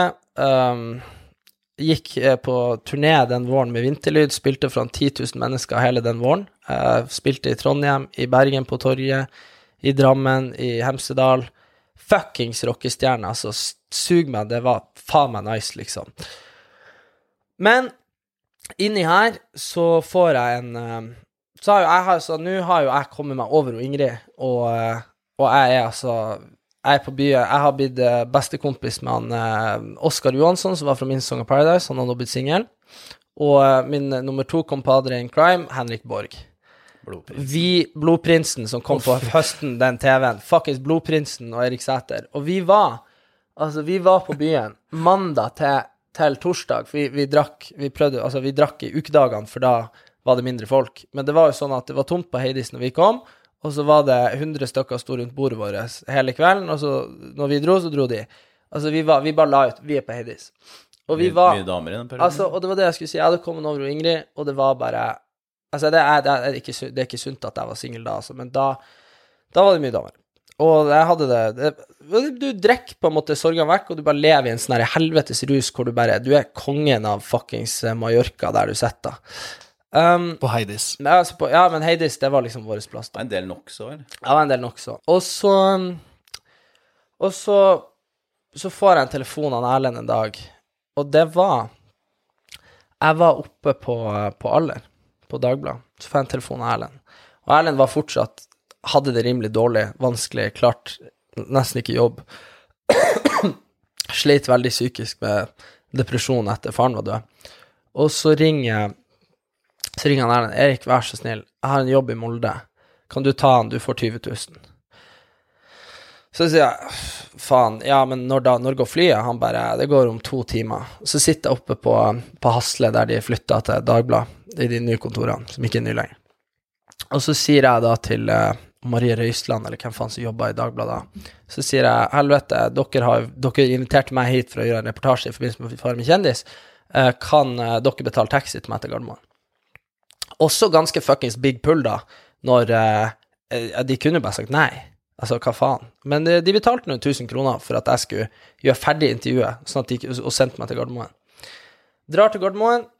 Jeg hadde fått beskjed at jeg skulle gjøre en jobb som sånn dommer på en sånn russekonkurranse med Melina Johnsen og I don't know, en homo som jeg ikke husker hvem var. Jeg husker jeg faktisk ikke, men var i hvert fall noen andre, da. Lander jeg faen meg i Kristiansand. Kommer jeg på hotellet, og så møter jeg faen meg eksen min og bestevenninna uh, i hotellgangen. Det var de som hadde fått jobben om Elina skulle ha, og så hadde jeg fått jobben om Erlend skulle ha. Og så Er det Ingrid du møtte? Ja. Men er du i Molde eller Kristiansand? Nei, nå er jeg i Molde. Ja, for du sa du landa i Kristiansand. Ja, det var ikke meninga. Jeg var landa i Molde. Ja. Så er vi der, ah, og så er det sånn Du vet det der med ekser, hvordan du Og i hvert fall når du begynner å konsumere et par enheter, du får, du får jævla lyst på hverandre igjen. Ja. Og så Det er et, det er et bånd som aldri forsvinner. Nei da, det er liksom sånn, altså, ja. Også, og jeg har jo gått videre, jeg har begynt å Nå er jeg på På nåværende tidspunkt så driver jo jeg og ligger med med min neste eks, som jo da var på tur å bli kjæresten min, og Isabel Eriksen. Mm. Um, og det, det vet jeg at det var jo Ingrid jævla forbanna over, at jeg kunne gjøre noe sånt, liksom. Og sånn, og selv om det var et år siden det var slutt sånn. Og så, og så sånn som jeg opplevde det, og sånn som jeg huska det For jeg tok det moderat med, den, med drikking og sånn. Så var vi på tur til, eh, på byen, og det var med han eh, lord Audun. Eh, Det var lord Audun, meg, Ingrid og Julie. Så er vi på tur vekk derifra. Og, jo, og så har jeg glemt å si at jeg er blitt casta til Skal vi danse og har fått kontrakten allerede. Mm. Det er inni her, da. Så det, jeg vet at høsten er good. Og jeg har eget TV-program på våren, Skal vi danse på høsten. Og igjen, ikke undervurder moment. Moment er alt å si. Um, og så, når vi skal på byen, så sier jeg jeg, jeg tror jeg drar hjem, ass. Um, men uh, Og så, sier- så sier jeg, men Ingrid, du sov hos meg i kveld, eller? Og så er hun sånn Ja. Og så bare, og så bryter hun deg venninna inn, og så er hun sånn Du skal faen ikke sove med han, gi faen i han, fuck han, ikke sant. Sånn som sånn venninne er med sånn de beskytter, altså det, Jeg skjønner den, liksom. Og jeg husker jeg ble jævla forbanna. Jeg sa sånn, fuck deg, liksom, jeg har faktisk aldri likt deg, du er jævla fitte. Eneste grunn til at jeg tolererte deg, er for at du var venn, eh, sammen med kompisen min, og for at du var bestevenninna til det som var dama mi. Altså, men så du reiste til helvete. Um, så da krangla vi, og så var jeg bare sånn, fuck you, liksom, at hun skulle diktere det, da. Så dro jeg hjem på hotellrommet, sovna på hotellrommet, um, og da uh, begynte det å banke på døra, sånn veldig sånn og så er jeg sånn, hva faen er det her? Så tenkte jeg, faen, nå kommer hun, hun har lyst til å ligge med. Ja, nice, liksom. Så åpner jeg døra, så står faen meg, så står, da, da har de vært ute med lord Audun på russefest, og de er jo drita rita nå, da. Jeg er jo edru. Og så, og så står begge to der. Og så er jeg sånn, hva, jeg hva i helvete gjør du her? Fuck deg, liksom, til hun Ingrid, nei, til hun Julie. Hadde ingenting imot hun Ingrid foreløpig, jeg vil jo ha henne. Og Julie har vært med på Paradise. Ja, hun var jo med på Paradise. Vi hadde jo en god relasjon der, da. Og, um, og så blir det en sånn oppheta greie hvor jeg og hun står og krangler og roper og skriker og skriker. Og, så, og Ingrid er litt mer sånn fåmælt, og hun var sånn 'Å, dere må slutte å krangle. Slutt å være snill.' Og jeg og hun liksom Det blir ordentlig oppheta. Og så sier jeg 'Du får faen ikke komme inn her på rommet mitt. Du kommer på og banker på her og står og kjefter på meg'. og da ender det opp med at eh, de begge to kommer inn på rommet uten at jeg vil det. Og jeg står jo liksom bare i trusa. Jeg syns det, her var jo ikke så jævla fette kult. Jeg prøvde å si til Julie kom deg ut, kom deg ut, kom deg ut, ikke vær her. Hun var sint som en lemen. Og jeg har jo selvinnsikt nok til å vite at jeg var òg jævlig forbanna.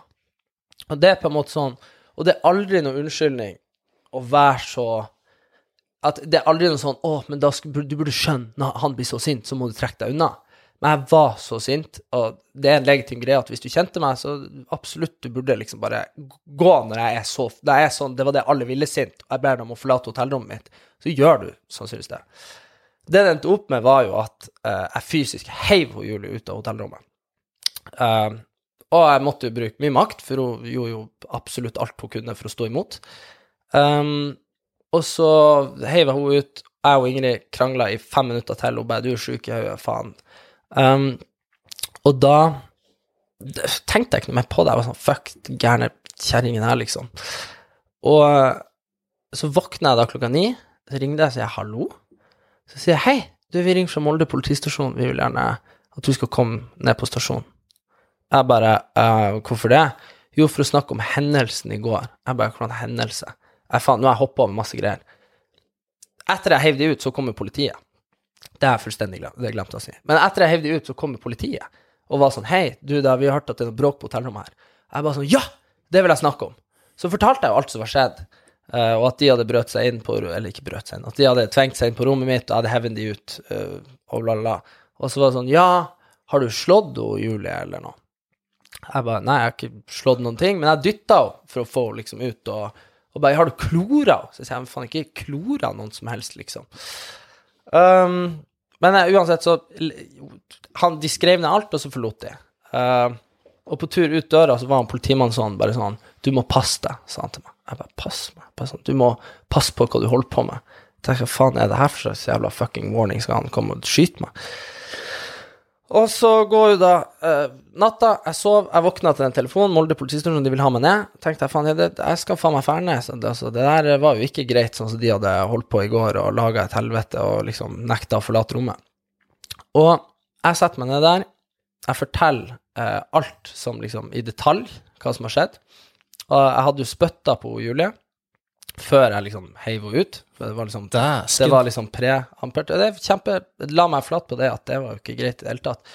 Men jeg mente jo det ikke var greit, uh, det de hadde gjort, da. Um, og da, etter å ha vært gjennom en sånn lang sånn der hvor du snakker til politiet når de spør deg om ting, så sier hun der etterforskeren så sier hun sånn OK, men uh, kunne du vært interessert i å avslutte dette nå, eller vil du at vi, skal, at vi skal gå videre med det her? Så sier jeg hva da videre? Og de bare Og så sier hun til meg Ja, fordi eh, hun Julie sier at du har slått henne, og det er ganske alvorlig. Og jeg tenkte hva i faen, hvorfor liksom har hun sagt det? Og jeg begynte, jeg husker jeg begynte å fikle med telefonen, så jeg begynte, begynne å ringe og Ingrid og være sånn Hva er det dere har sagt, liksom? Og da unfolda det seg jo at de hadde sagt veldig mye greier som jeg står på den dag i dag, ikke var sant. Uh, og sånn som jeg fikk det presentert da, der jeg satt, så var det sånn du kan få et forenkla forelegg her for kroppskrenkelse. Ikke liksom vold eller noen ting, men krenkelse av noen andre sin privatliv. Du er spytta, og du erkjenner å ha dytta.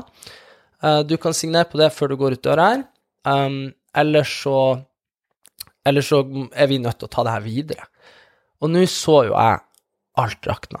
Jeg så liksom Skal vi danse, jeg så To brødre, jeg så alt det her. Altså, hvis jeg skulle få noen sånne beskyldninger på meg av den karakteren, da. Um, så jeg snakka ikke med noen. Jeg ringte ikke han Erlend, jeg ringte ikke og mamma, jeg ringte ikke han pappa. Jeg bare tenkte at det må være bedre å bare få det ut av verden. Men før jeg skriver under, så sier jeg Men du, kan du love meg Dette skal ikke i avisen, sier jeg. Nei, avisen, sier hun. Hva, hvorfor skal vi sende det til avisen, liksom? Jeg bare, Hvis de ringer og spør dere, hva gjør dere da?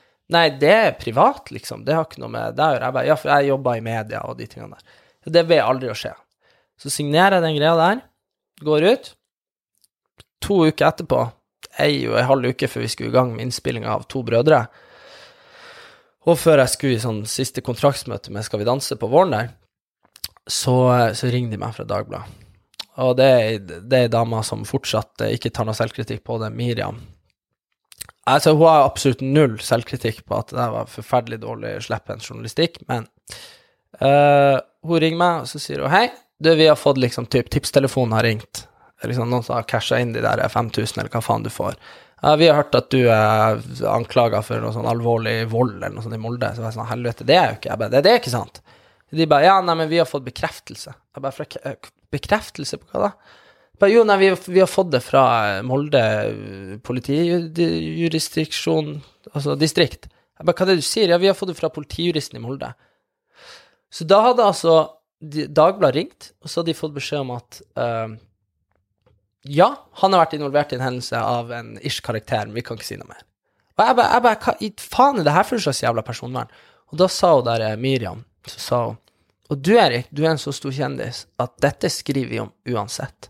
Så du kan egentlig bare velge sjøl nå om du skal stå frem og si unnskyld, eller om vi skal skrive det, og så anonymisere det, og så blir navnet, og så blir alle å finne ut hvem det er. Dette er uh, innenfor journalistikken allmenn interesse. Mm. Ja, du, du, er så stor i samfunnet, ja. og den uh, rollen Nei, du har. hvis hun, hun, kunne bare vært ærlig med deg. Du er såpass stor at vi vet at Dagbladet kommer til å få masse klikk på den saken her. Ja, og så bare sånn, Det er derfor vi vil publisere. Ja, det er derfor vi vil gjøre det. Og det, men hun fremstilte det som en sånn her Ja, nå skal du få en savior redemption. Altså, du kan legge deg flat og bla, bla. Og så var det jo sånn at jeg hadde jo ikke noe lyst i det ville helvete å legge meg flat for noen ting som helst. Altså, jeg følte ikke jeg hadde gjort noe galt. Jeg følte at hvis du har snudd på situasjonen, og vi har vært Det har vært jeg og Oskar som sto der på hotellrommet til Julie, veldig sint og veldig berusa, og hun sto i bare undertøyet og skreik og ba oss om å komme oss ut av rommet, så hadde det aldri skjedd noe hvis hun hadde prøvd å dytte oss ut av rommet. Men uansett, da, så, eh, så var det veldig sånn at jeg hadde prøvd å holde det her hemmelig, for det kom i posten hjem, og han pappa hadde åpna posten, han pappa er nå snart 80, og er veldig gammel far. Uh, og han pappa og jeg hadde blitt enige om at vi ikke skulle si noe til mamma og Erlend, fordi på en måte vi ikke plagde de noe mer enn de allerede var plaga.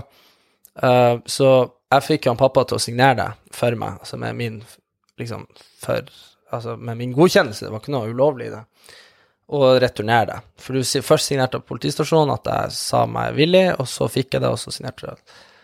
Um, og når dette blåste i avisen, så ble jo altså PR-avdelinga til TV 2 bli kobla inn, PR-avdelinga til Discovery bli kobla inn, PR-avdelinga til Universal bli kobla inn, og alle skrev forskjellige sånn drafts på hva jeg burde si. Altså Det var liksom store, store greier i omløp, da. Jeg fikk ikke med meg det. Nei, og så men, men, men, men, når du da snakker med hun fra Dagbladet, blir du da enig om at de skal publisere navnet ditt, og ikke anonymisere? Ja, fordi hun sa det at uh, Du ble egentlig først lurt av politiet, og så ble lurt av Dagbladet? Ja, 100 og, og, men, veldig bra. Jeg, jeg, bare skjønner ikke at politiet har lov å si noe om det. Det var jo ikke, det var jo ikke altså, det var snakk om å spytte på noen. Det var det jeg signerte på. Det og at jeg dytta noen. Det, jeg signerte på det, og det, det, er liksom det samme som at Altså, hvem i faen som står Det står jo ikke liksom sånn herre 'Lille Marius tatt for offentlig urinering'. Det kommer ikke på liksom forsida av VG.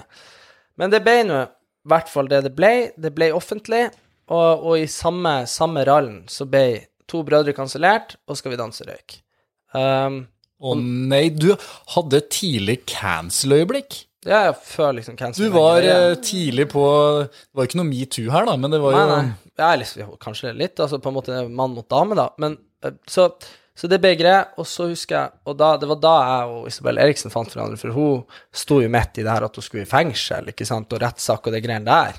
Uh, og så sto jeg i det her, og så husker jeg Um, hun var den eneste, liksom, og Martine Lunde, som jeg så på som min beste venninne i Kjendis-Norge. Vi hadde vært i Mexico i lag, hun jobba da jeg var der, og vi var på Farmen i lag og delte rom. og Jeg var storbonde, hun var min sånn hjelper, og han, vi var hjelpere i lag. Og, så vi var liksom Jeg følte vi var nære venner. Og den eneste som eh, i hele Kjendis-Norge på den tida da, eh, som sendte meg noen melding, det var jo Isabel og skrev 'Jeg håper det går bra med deg', når det kom i avisen. For hun visste litt hvordan det var å stå i da. Det er for, Dere var veldig mye sånn first info her. Um, Det er det, Det beste. Ja, det er utrolig fint at du sier. ja, og så, så, så det var grunnen til at vi Og da ble jeg så Jeg følte at det var så ekte, da. At det var faktisk noen som kjente seg igjen. Eh, og da dro vi på vår første date. Og Midt oppi Ja, midt egentlig oppi. et av de verste øyeblikkene sånn karrieremessig for deg. Altså, du var jo på Du pika jo, det gikk jo så bra. Er det sånn at hvis du ser tilbake på det nå, hadde du droppa å åpne den døra på hotellet, eller?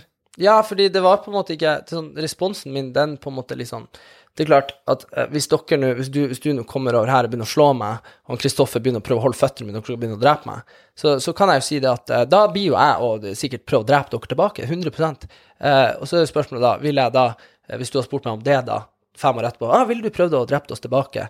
Eller vil du ikke gå inn døra? Jo, jeg ville jo selvfølgelig ikke gå inn døra, for jeg visste jo ikke. Men det som var ettereffektene, som på en måte ikke handla om karriere, var jo at jeg da hadde en 75 år gammel far hjemme som følte at det var hans skyld at han hadde gått med på at han, vi signerte det, og at vi skulle holde kjeft, og det var det lureste.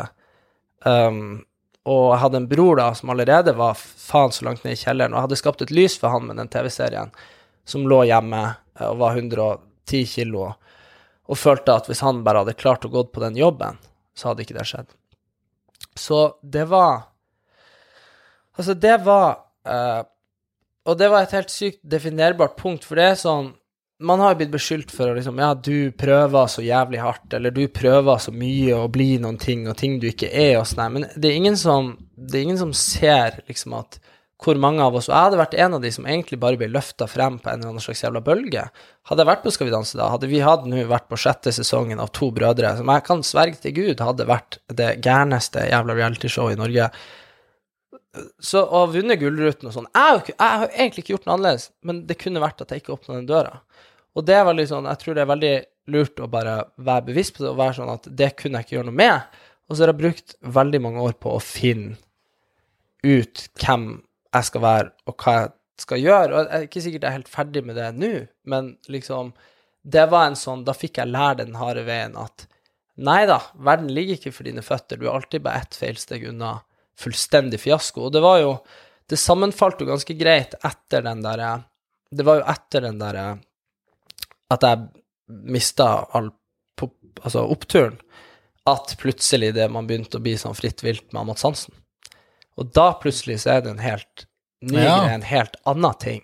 Som fordi han Altså Altså, bare, bare tenk på hvor satans mye jævla dumme drit han Oskar Westlin gjør. Sånn, no hate, altså 100 helt, men fuckings idiot, liksom, i hodet.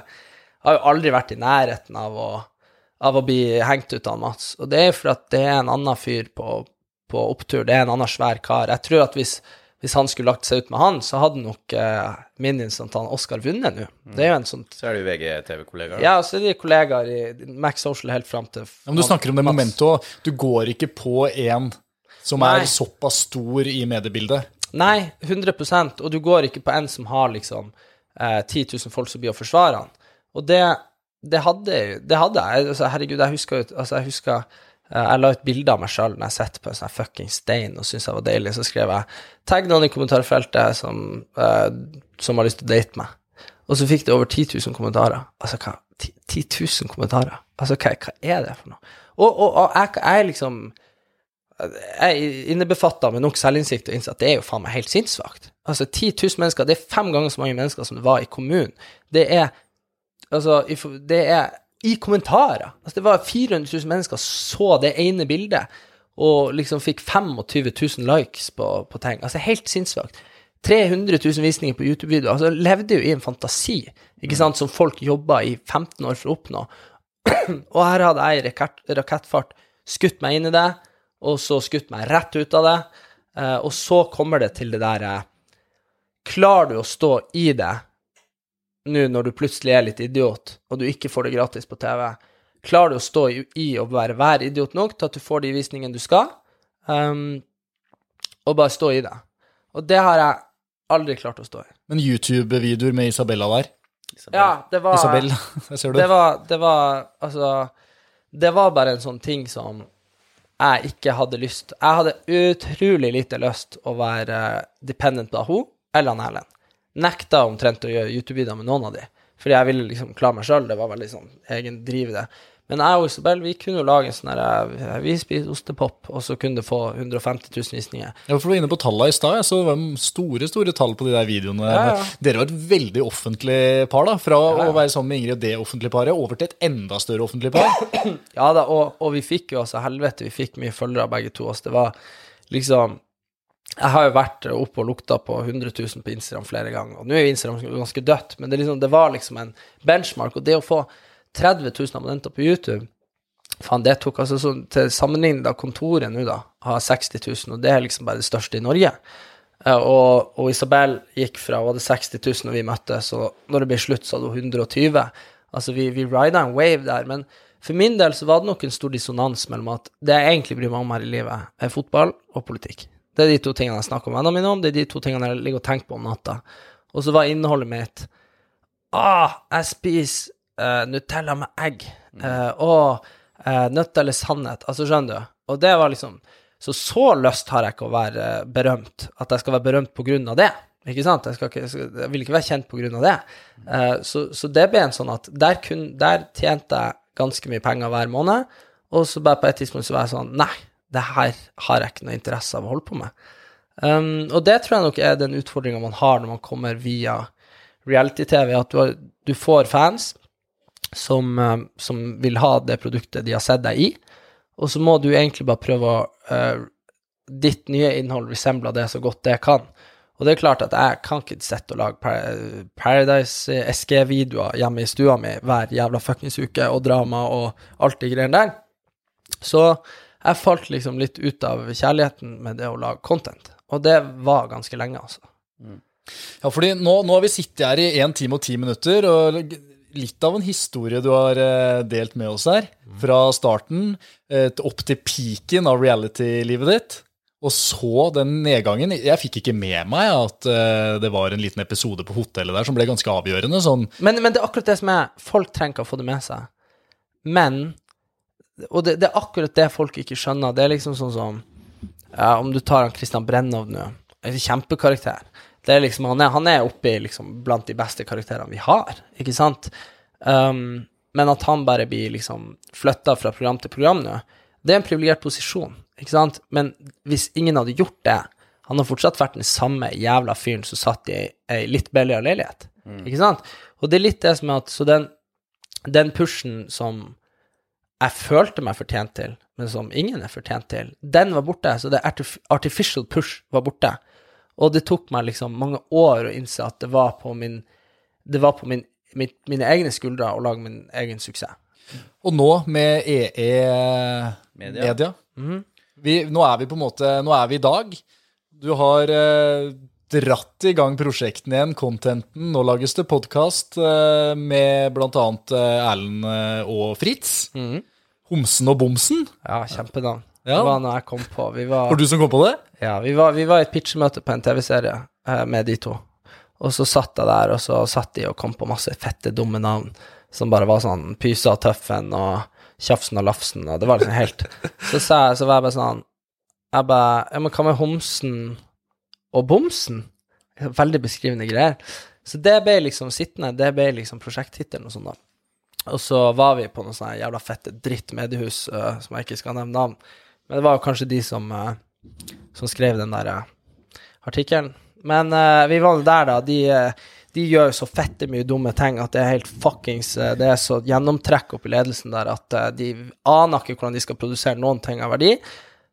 Så de har jo fått De er budsjettkutt. De, de, I fjor så blåste de typ 20 millioner på drittproduksjoner, og i år så har de ikke én krone til ekstern produksjon. Så har de seks heltidsansatte som jobber med det her og ingenting de kan lage. Og vi snakker om Dagbladet. Ja, det gjør vi. Dagbladet TV. Ja, det er bare, det er det er. Og det, det er ikke meninga å gå på helt karakterslakt. Jeg, jeg liker mange av dere som jobber der, men dere Altså, hvis det er noen som sitter og er fuckings aksjonær i de greiene her, dere må fuckings hente inn noen. Altså, hvordan dere, med så satans mange millioner og så mange ledd må, De måtte jo faen meg legge ned Max Social etter to år.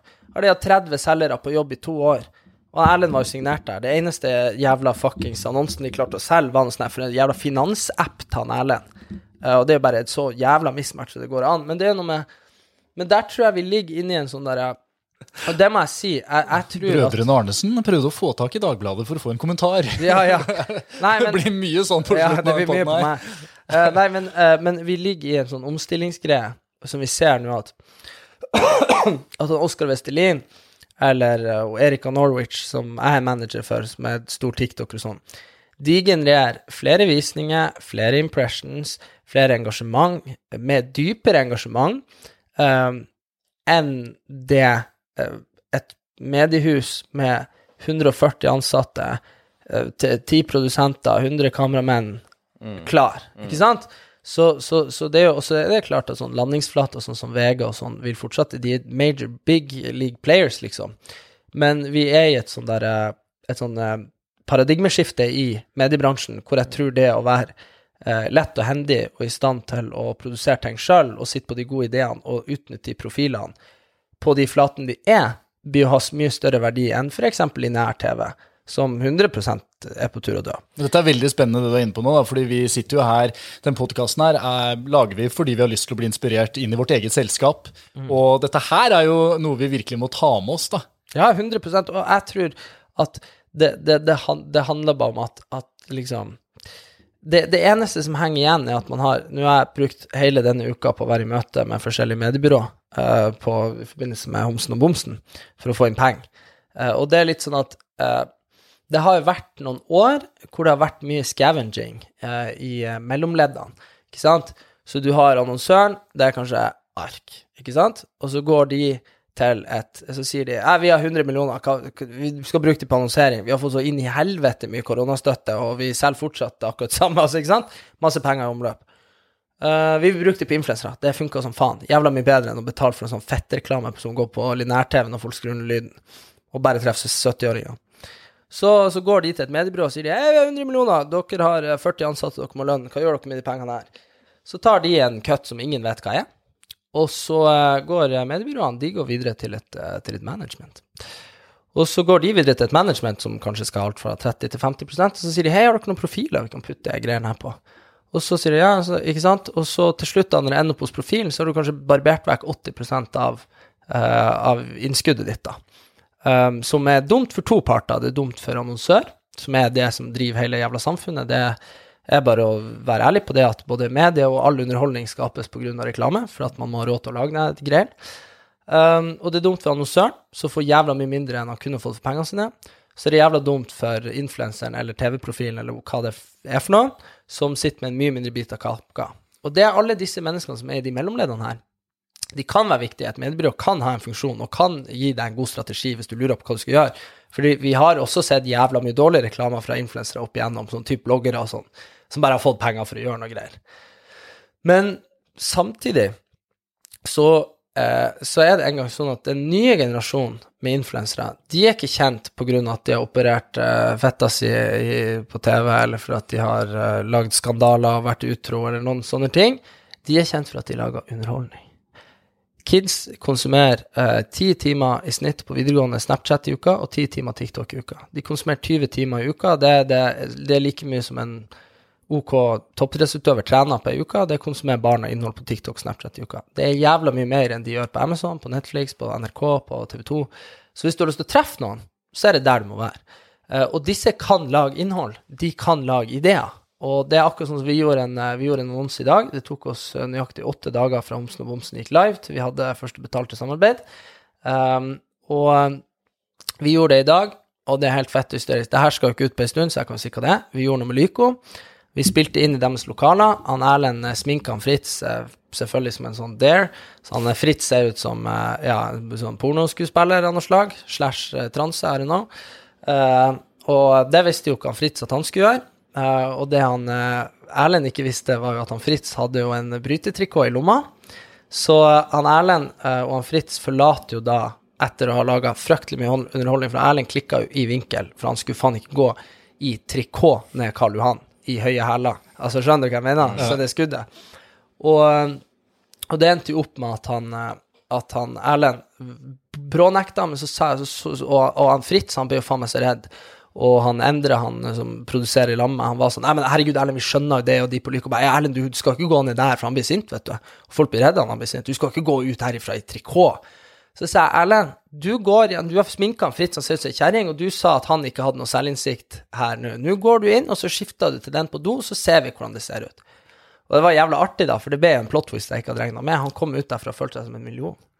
Så han Erlend og han Fritz forlater Lyko har vært eh, inne i altså, det som er produktplasseringa eh, hele, altså, hele Snap-episoden, som kommer til å bli sett av 200 000 mennesker. Og de forlater altså lokalet der. Den ene ser ut som eh, transe, han Erlend ser ut som eh, Så jeg da faen, en bryter bare med høye hæler og homo. Eh, og må altså gå ned Karl Johan med det her. Og det er bare sånn Jeg vet at en million mennesker kommer til å se det her. Og jeg vet at brandet sitter igjen med helt utrolig mye verdi for pengene. Det kan jeg tilby dem til halve prisen av det de får hvis de skal gå via Schibsted. 100 For da er en selger, det er en, eh, det er en innholdsprodusent der på fastlønn, det er han eh, Mats Hansen skal sitte der og få penger for å bare sitte der, og la, la, la, la. Ikke sant? Det her kan jeg gjøre jævla mye billigere, mye mer effektivt, gjøre det med like høy kvalitet. Og det er en sånn derre Dette ringte jeg de om i går, og så gjorde vi det i dag. Og det er, en sånn, det er den hendigheten som du aldri vil kunne få via strategi ved medbyrå, via management, la, la, la. feilmargin kanskje større, men det er en måte å jobbe på som jeg har mye mer trua på. da. Eh, raskt, eh, for dere som ikke vet hva Homsen og Bomsen er, så er jo det da en podkast som Snapshow. du Ja, et Snapshow, en podkast som du produserer i, i selskapet ditt EE Media. Media sammen med din bror. Dere eier det sammen, eller? Ja. Du, er du litt ferdig med reality-TV og jakte det å være aktuell, og nå vil du heller eh, produsere ting selv, drive et eget selskap? Ja, for jeg ble jo litt sånn, jeg blir jo litt snurt, uh, som jeg har vært innom et par ganger her, når jeg blir beskyldt for at jeg, for at jeg, at jeg jakta den populariteten. Du vet jo at alle gangene jeg har ringt deg de siste fem årene, så er det jo fordi at jeg har hatt et eller annet produkt som jeg hadde trua på, som jeg hadde lyst til å få presse på. Sant? Det er det det går i. Om det er jo Erika, eller om det er min egen musikk, eller Det er liksom ekte. Det er liksom ikke hatt noe å selge. ja, det, det, det er liksom ikke bare for en sånn 'Å, jeg har så lyst til å bli kjent', jeg har bare lyst til å få en presse Det, det driter jeg nå i. Det jeg vil ha, er jo at produktet mitt, som er faktisk kunsten, om du vil du dra så langt og kalle det uh, det jeg vil ha oppmerksomhet på. Og, og det blir litt sånn Nå har jeg takka nei til uh, De gjør reboot av Paradise. Der var liksom hele deres redemption ark etter det her uh, forferdelige jævla vase de har holdt på med de siste årene. woke Paradise. Ja, fordi jeg tenkte på det, altså Vi kan jo prate om så mye, men gi oss et par kommentarer på hva du tenker om Paradise. Nei, altså Du var jo med i storhetstida i 2018 der, da var ja, du knall. Men, ja, men fy faen, i gata for en uh, jævla redemption-ark jeg fikk i 2021. Det er den beste sesongen Paradise har laga noen gang. Og den går ikke an å se, for at han der uh, Han som ble dømt for voldtekt, var jo med. Så den ble jo fjerna. Og det var jo etter det TV3 fikk så satans kalde føtter. Det var snakk om overgrep i Sverige, vi hadde en voldtektsdømt med i Norge, nå må vi faen meg snu opp ned på hele driten her. Så gikk det jo altfor langt og lagde bare et produkt folk ikke ville ha, da. Eh, så det sugde jo balle. Og så skal jo Og det har jeg trua på, og jeg kjenner alle som er involvert i prosjektet, at det blir dritbra til neste år. Sånn 100% Det blir Ah. dritbra. Og de tilbød meg et busslass med penger for å være med. Og det, det, det var så mye, det. Og jeg måtte si uh, nei, jeg må gjøre den mastergraden min ferdig for å få ro i sjela. For nå er det skole, og du, men du har ikke lyst til å være Paradise-Erik mer?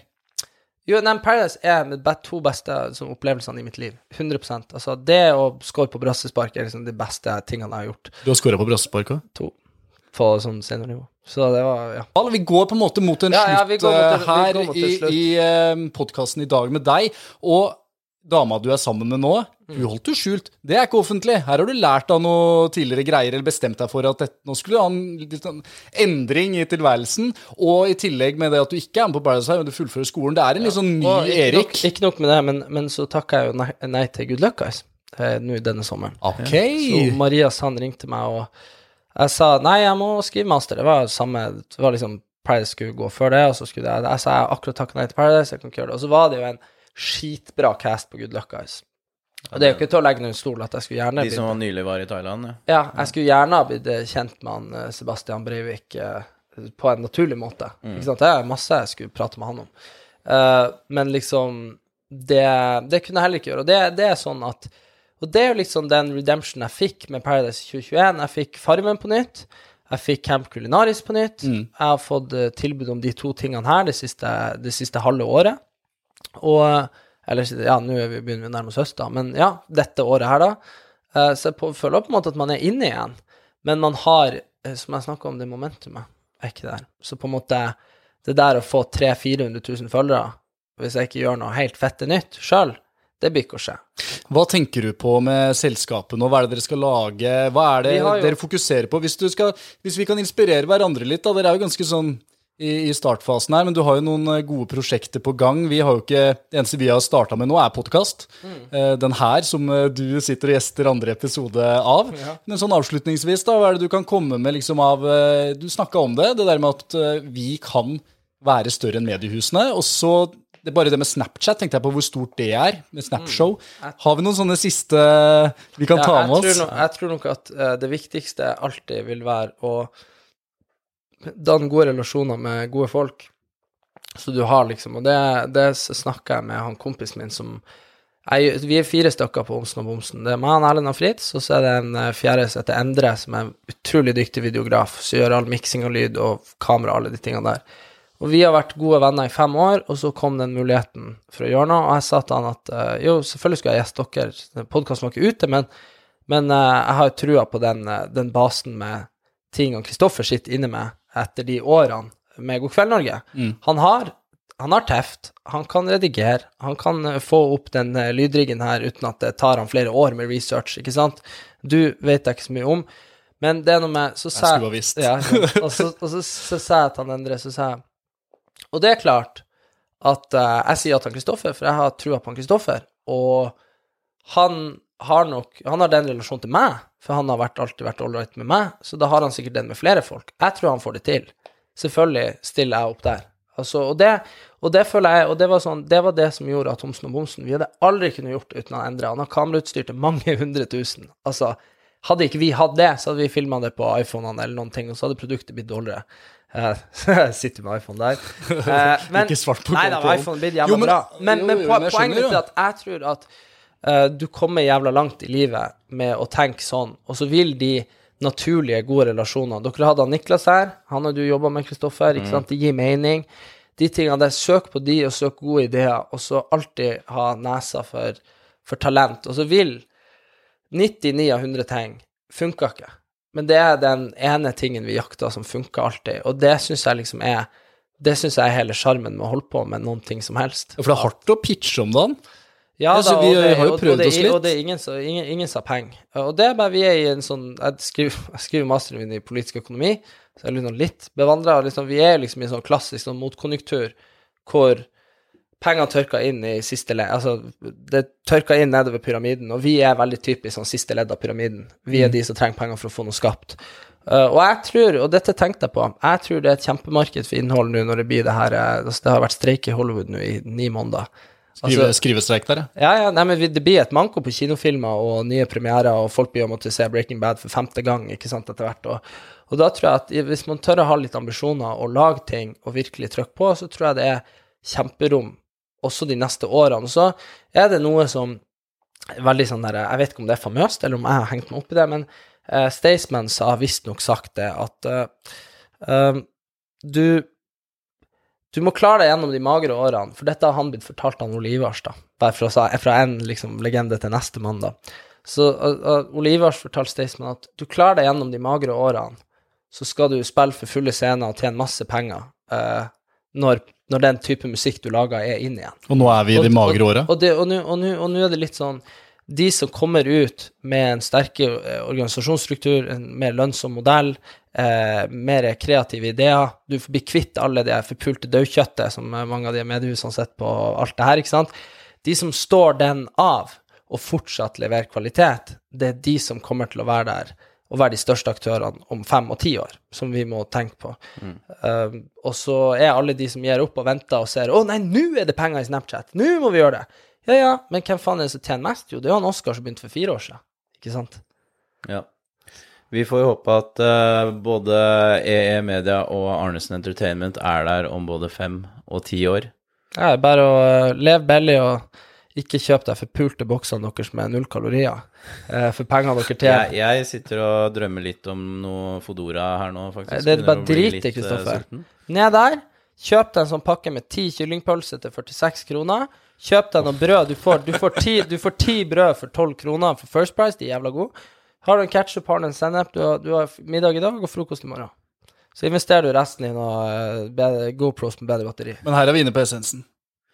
Ja. Vi må, vi må spare i alle ledd. eh, Nå blinker GoPro-en. Vi, nå har vi lært at GoPro-kameraene de går ut etter én. Du er jo en kilde eller en eh, prat som tar lenger enn én time. Det er det bare å få på med en gang. Dette er uncut. Hvordan føles det om dagen? Er du optimistisk nå med tanke på liksom den eh, oppsvingen du har begynt å få nå da, de siste åra igjen? Er en happy Erik som går ut av vårt lille hus?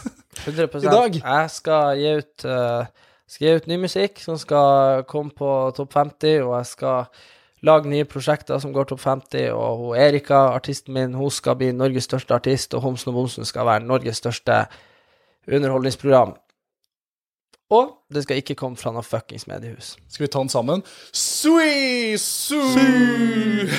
Du, denne episoden her, denne er bra.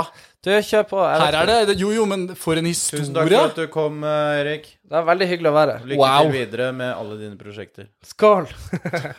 Du er helt ferdig, du. Dette her er jo Det var- jeg, følte, jeg følte at jeg var med på en podkast. Brødrene, brødrene Arnesen. Kom igjen, broderen! Brødrene, brødrene Arnesen. Nok jingle nå.